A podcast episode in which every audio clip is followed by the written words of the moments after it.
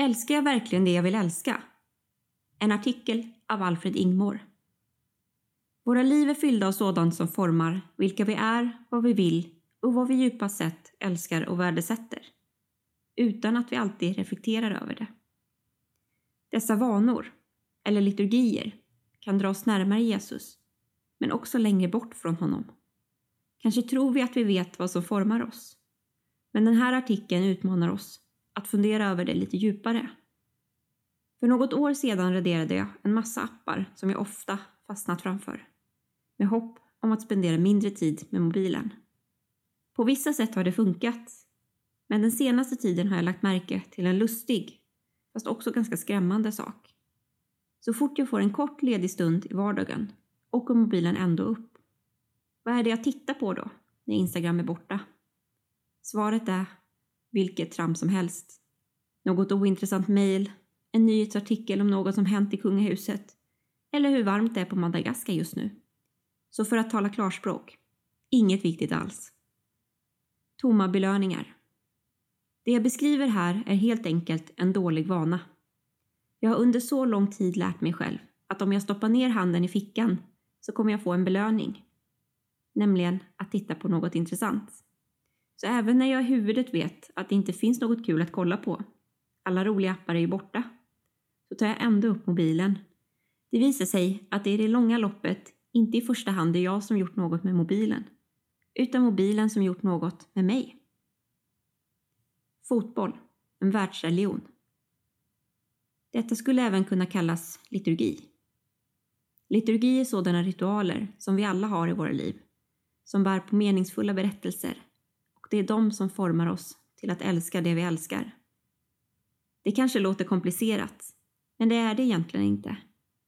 Att följa ett fotbollslag kan till exempel vara en liturgi.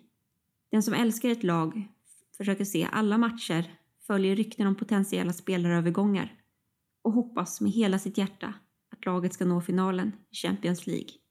Viktiga vinster fyller en med starka, ibland nästan religiösa känslor. Medan förluster kan göra en nedstämd flera dagar.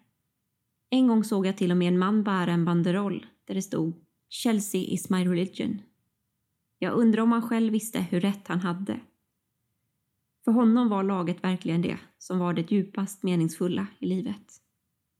Shoppingtempel. Ett annat exempel är shopping. Shoppingcentrum är på sätt och vis designade på samma sätt som religiösa byggnader kan vara för att väcka känslor av mysterium och förundran. Tänk också på hur stark känslan av meningsfullhet kan vara när man köper en ny mobil eller jacka, men hur det nyinköpta så fort man kommit hem till sitt vanliga gamla rum ganska fort förlorar sin spännande aura. Då längtar man åter tillbaka efter känslan av att köpa något, något annat, något nytt. Vi sätter allt vårt hopp till sakerna och till shoppandet i sig och hoppas att det någon gång ska göra oss lyckliga. Vad älskar jag egentligen? Alla dessa olika liturgier. Från shopping och att heja på ett lag till att gamea eller kämpa för att få högsta betyget riskerar att i slutändan bli det som definierar oss. Liturgierna avgör vad vi gör med vår tid, vad vi lägger vår energi på och vad vi i slutändan värdesätter och älskar. Detta betyder inte att det vi tycker är roligt i vardagen är dåligt, men det kan aldrig sig själv leda till ett meningsfullt liv.